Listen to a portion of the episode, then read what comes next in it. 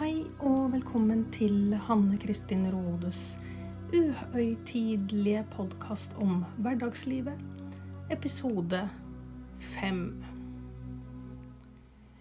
I dag hadde jeg tenkt å starte med en litt humoristisk um, episode. Vel, egentlig var den ganske dramatisk. Men fordi jeg var leder av arrest- og påtaleseksjonen. Vi er tidlig på 2000-tallet, og vi var på studietur til Lyon. Vi bodde på et knøttlite hotell. Nydelig fransk. Jeg bodde i tredje eller fjerde etasje med en sånn mikrofransk balkong. Du vet sånn som er sånn 15 eller 20 cm bred. Og så har den sånne smijernspigger på toppen. Så det frister ikke sånn spesielt å klatre utpå noe som helst. Vi var ferdig med besøket, vi skulle bare legge oss og stå opp tidlig dagen etter. Og det gjør vi alle mann. Og eh, så våkner jeg av det jeg tror er vekkerklokka. Den ringer og den ringer og den ringer, og den ringer altså noe så intenst, og jeg står opp og tenker det var som søren jeg syns jeg nettopp har lagt meg. Noe som for så vidt stemte, for det var ikke vekkerklokka. Jeg gikk bort til døra og lukket opp, og da var det røyk i korridoren. Det er ingen drømmesituasjon. Jeg smalt døra igjen og tenkte hva gjør jeg nå? Jeg hoppet av inn i genser og olabukse uten undertøy. Det må jo være dagens overskuddsinformasjon. Eh, og så stakk jeg passet på baklomma, tok på meg brillene og ventet. Det kom brannmenn og fulgte oss ut. Det er jo tross alt røyken som dreper. Og midt på natten, der i Frankrike, sto vi en haug med kollegaer, usminket, med håret rett til værs, og fniste. For det hadde jo gått bra, det var jo ikke noe å være redd for, slik det sto på. Og etter ja, halvannen time, tenker jeg, når vi begynte å bli litt frosne, og klokka nærmet seg halv fem, så fikk vi komme inn igjen. Det var en mikrobølgeovn som hadde bestemt seg for å varme seg opp av seg selv. Så hva lærte jeg av denne episoden, der jeg sto i ja, egentlig et litt tilfeldig utvalg av klær med passet på lomma, og bare fast besluttet på at hjem skal jeg samme søren? Jo, ta aldri av makeupen før om morgenen. jeg har flirt veldig mye av meg selv fordi, tro det eller ei du, men når jeg er på hotell, så tar jeg ikke av all makeupen før om morgenen. Jeg syns det var drøyt å møte folk som ikke er meg veldig nær, i en outfit som jeg ikke følte meg helt, helt toppers i. Kanskje blir du irritert når du hører dette. Noen ler veldig, og andre tenker det er det dummeste jeg har hørt. Man må kunne vise seg frem som man er. Og det har de jo helt rett i. Men det er faktisk mitt helt selvstendige valg om jeg ønsker å ha bitte lite grann makeup også midnatt i tilfelle det blir hotellbrann eller ikke. Og da er vi litt over i det jeg har lyst til å bruke noen ord på, nemlig hvor mange krangler er egentlig totalt uviktige? Hvor mange krangler driver vi ikke med som er altså noe så inn i hampen bortkastet? Snu speilet litt mot deg selv. Kan du med hånden på hjertet si at du aldri har skapt en uenighet som egentlig var bare tull? Jeg har i hvert fall ikke rent mel i posen, jeg vil ikke engang prøve å kaste en stein. Men jeg har lyst til å drodle litt. Da jeg var helt ung politifullmektig i Oslo, så jobbet jeg med en del forseelsessaker, og blant de var det nabokrangler. Og det var altså ikke grenser for hva naboer kunne krangle om. Det var alt fra at den nye snøfreseren slang stein over gjerdet som ødela gressklipperen om våren, til at gjerdet hadde fått feil grønnfarge, for ikke å snakke om trær. Skal vi ha trær som gir behagelig skygge, eller er trær en uting hvis de skygger for sola? Vi mennesker er forskjellige. Vi er altså så inn i granskauen forskjellige at vi kan ikke engang bli enige om hva vi har lyst til å krangle om. Så hvor langt skal vi dra dette her, egentlig? Jeg har jo mistenkt noen da, som jeg har truffet på min, for, på min vei for å ja, opphøye litt ekstraordinært dette KMM-prinsippet kos med misnøye. KMM. Da trives du best hvis du kan være en drittsekk. Heldigvis er det ikke de fleste som er sånn, men det fins noen. Og jeg føler meg ganske sikker på at du som føler meg, har ikke lyst til å være det. Så av og til kan det være greit å snu speilet mot seg selv og tenke er jeg en drittsekk? Har jeg utviklet meg i litt feil retning? Bør jeg tabbe meg selv inn? Eller går det rimelig greit? For det er jo ikke det at ikke vi skal kunne bli irriterte og sinte, men det er jo på en måte hva som ligger i bånn, da jeg er litt ute etter. Fordi livet er så kort. Vi lever så forferdelig få sekunder her på jorda i forhold til den tiden vi er døde. Og da tenker jeg at vi bør i hvert fall ikke gjøre altfor mye som er regelrett bortkastet. Så hvis du har en nabo da som irriterer deg, er det mulig å finne en løsning? For ikke å snakke om hvis det er en kollega, en på jobben, som tar all energi i møtet. Du begynner allerede dagen før å grue deg til det økentlige møtet, for der sitter A. Og A La oss kalle ham eller henne for hen, dette nye pronomenet. Hen tar all energi. Det kan faktisk være et problem. Noen mennesker trives med armer og bein og høy stemme og en skikkelig diskusjon. Det er da de får energi. Mens andre mennesker trives med de litt mer lavmælte samtalene hvor vi kan lytte til hverandre. Og da er vi rett inne i to samtaleteknikker, hvor den ene heter diskusjon, og den andre heter dialog. For hva betyr egentlig diskusjon? Jo, det betyr å slå i stykker. Debatt betyr å kjempe. Dette her er altså verbale kampsporter for de utadvendte med skikkelig ordforråd og den kampviljen. Og det sier seg selv at hvis møteleder tillater at diskusjon er den eneste samtaleformen i møtene, da kan det fort utvikle seg til et arbeidsmiljøproblem. Fordi alle mennesker er ikke sånn. Noen mennesker foretrekker dialog, den lyttende samtalen. Dette her kan nesten sammenlignes med å lytte til radio. Når du er i diskusjon og debatt, så er du på en feilsøkingskanal. Du har funnet den store feilsøkingen.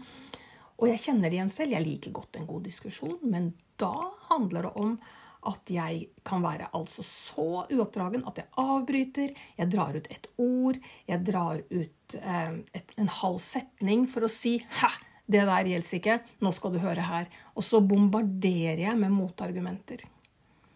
Det kommer sjelden noe veldig veldig konstruktivt ut av det. Og jeg husker i hvert fall fra jeg var leder selv, og jeg deltok i møter som jeg ledet selv, og i møter som ble ledet av andre, mine overordnede, at når vi utelukkende benyttet diskusjon, da var det forferdelig vanskelig å vite hva vi egentlig ble enige om. Og det var også utrolig krevende å få et eierskap til alle beslutningene. Fordi det var ingen som husket egentlig akkurat hvordan beslutningen ble. Og om den var kortfattet og grei å huske, så var det svært få som husket hvordan kom vi egentlig dit.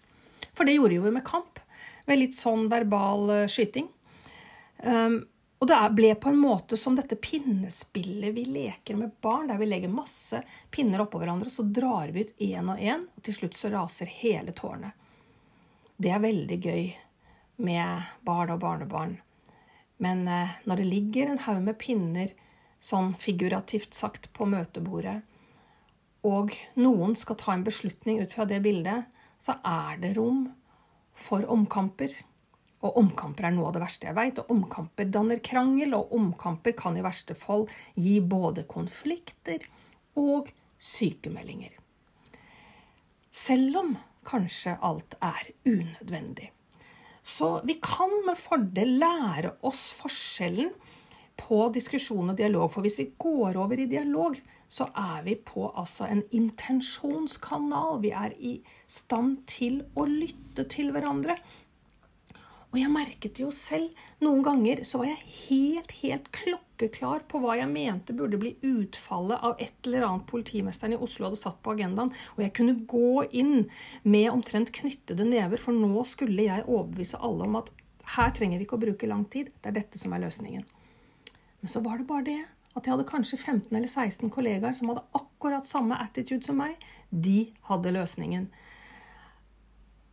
Og da kan det fort bli krig. Men hvis jeg da var smart nok til å tenke ok, Hanne Kristin, nå vet jeg faktisk hva disse skal si, men jeg vet også hva jeg selv skal si. Så hva er det som er viktig for deg i dag? Jo, sa jeg til meg selv, vær nysgjerrig.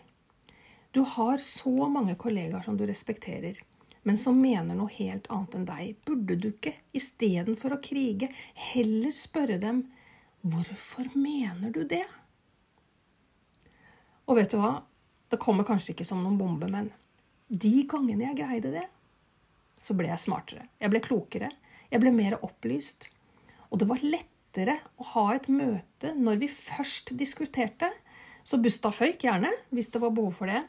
Men når alle argumentene var på bordet, og jeg hørte at folk begynte å repetere seg selv, da var det litt om å gjøre å klare å sette på bremsen og si nå tar vi en pause, vi lufter, vi fylle kaffekoppen, tekoppen, friskt vann. Og når vi kom tilbake, så var det ikke lov å være på en feilsøkingskanal. Det var ikke lov å være i, eh, i annet enn dialog, nysgjerrighet, lytting.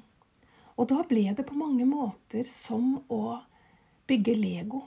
Alle fikk utdelt noen brikker. Figurativt én, da. Og kanskje den aller fineste, den du hadde aller mest lyst til å bruke, den fikk du ikke brukt, for den passet ikke inn i helheten. Men det var mye større sjanse for at alle husket hvordan byggverket så ut når det sto et eller annet slags tårn på, midt på bordet. Og de aller fleste forsto hvorfor akkurat den brikken ikke kunne brukes. Og antallet omkamper gikk ned. Altså om antallet potensielle krangler, sykemeldinger, og konflikter gikk ned fordi menneskene, som faktisk er svært intelligente, forsto forskjellen på å krangle og å lytte. Verre er det jo ikke. Så det er jo i grunnen ikke verre enn som så. Og det er noen ganger Jeg husker jeg spurte Jan Spurkeland, som jo har skrevet bøker om relasjonskompetanse og relasjonsledelse og tilpasset ledelse som jeg leste mange ganger og brukte aktivt i mitt lederskap på jobben. Jeg spurte han ja, men nå har jeg en medarbeider. Denne, disse bøkene dine funker ikke på den medarbeideren. Uansett hva jeg gjør, så blir, faller det på stengrunn.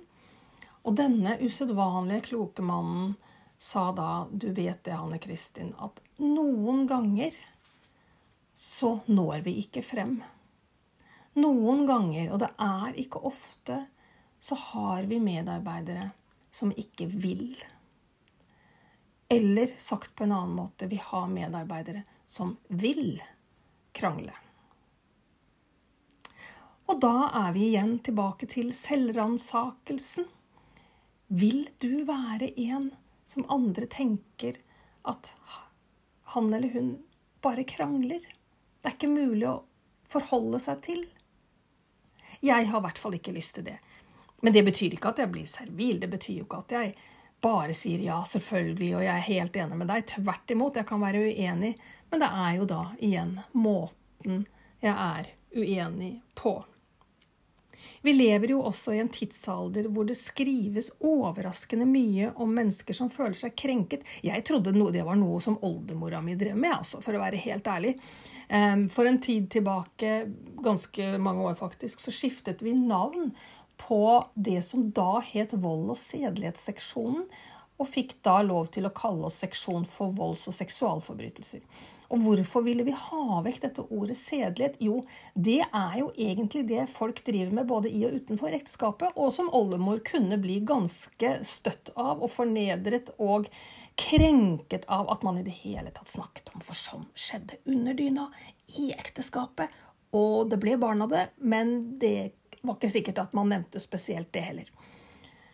Men så ser vi i dag da at man blir krenket av det ene og det andre og det tredje og det fjerde. Og jeg er helt sikker på at av all denne nymotens krenkingen så kommer det krangler. Og de mest usannsynlige, unødvendige krangler. Så jeg ønsker jo at du som da tar sjansen på å følge min podkast og stikker innom fra tid til annen. At du er med og stanser denne krenkelsesbølgen. Jeg skulle ønske det ordet ikke fantes. Jeg skulle ønske at den følelsen av å bli tråkket på ikke fantes. For den er egentlig helt dust. Det er noe vi skaper oss selv. Det er ikke noe andre påfører oss. Det er noe jeg velger å være fordi andre sier et eller annet som ikke passer meg der og da. Jeg vil aller helst være en person som tåler. Og hvis jeg ikke tåler, så må det være mulig å gå til avsender av ordene og si 'Jeg ble lei meg. Jeg ble sint'. Og hvis det føles helt ugreit, så ta en prat med noen du stoler på. Om det så er hunden din. Og sett ordene høyt ut i lufta før du går videre. Det har jeg god erfaring med.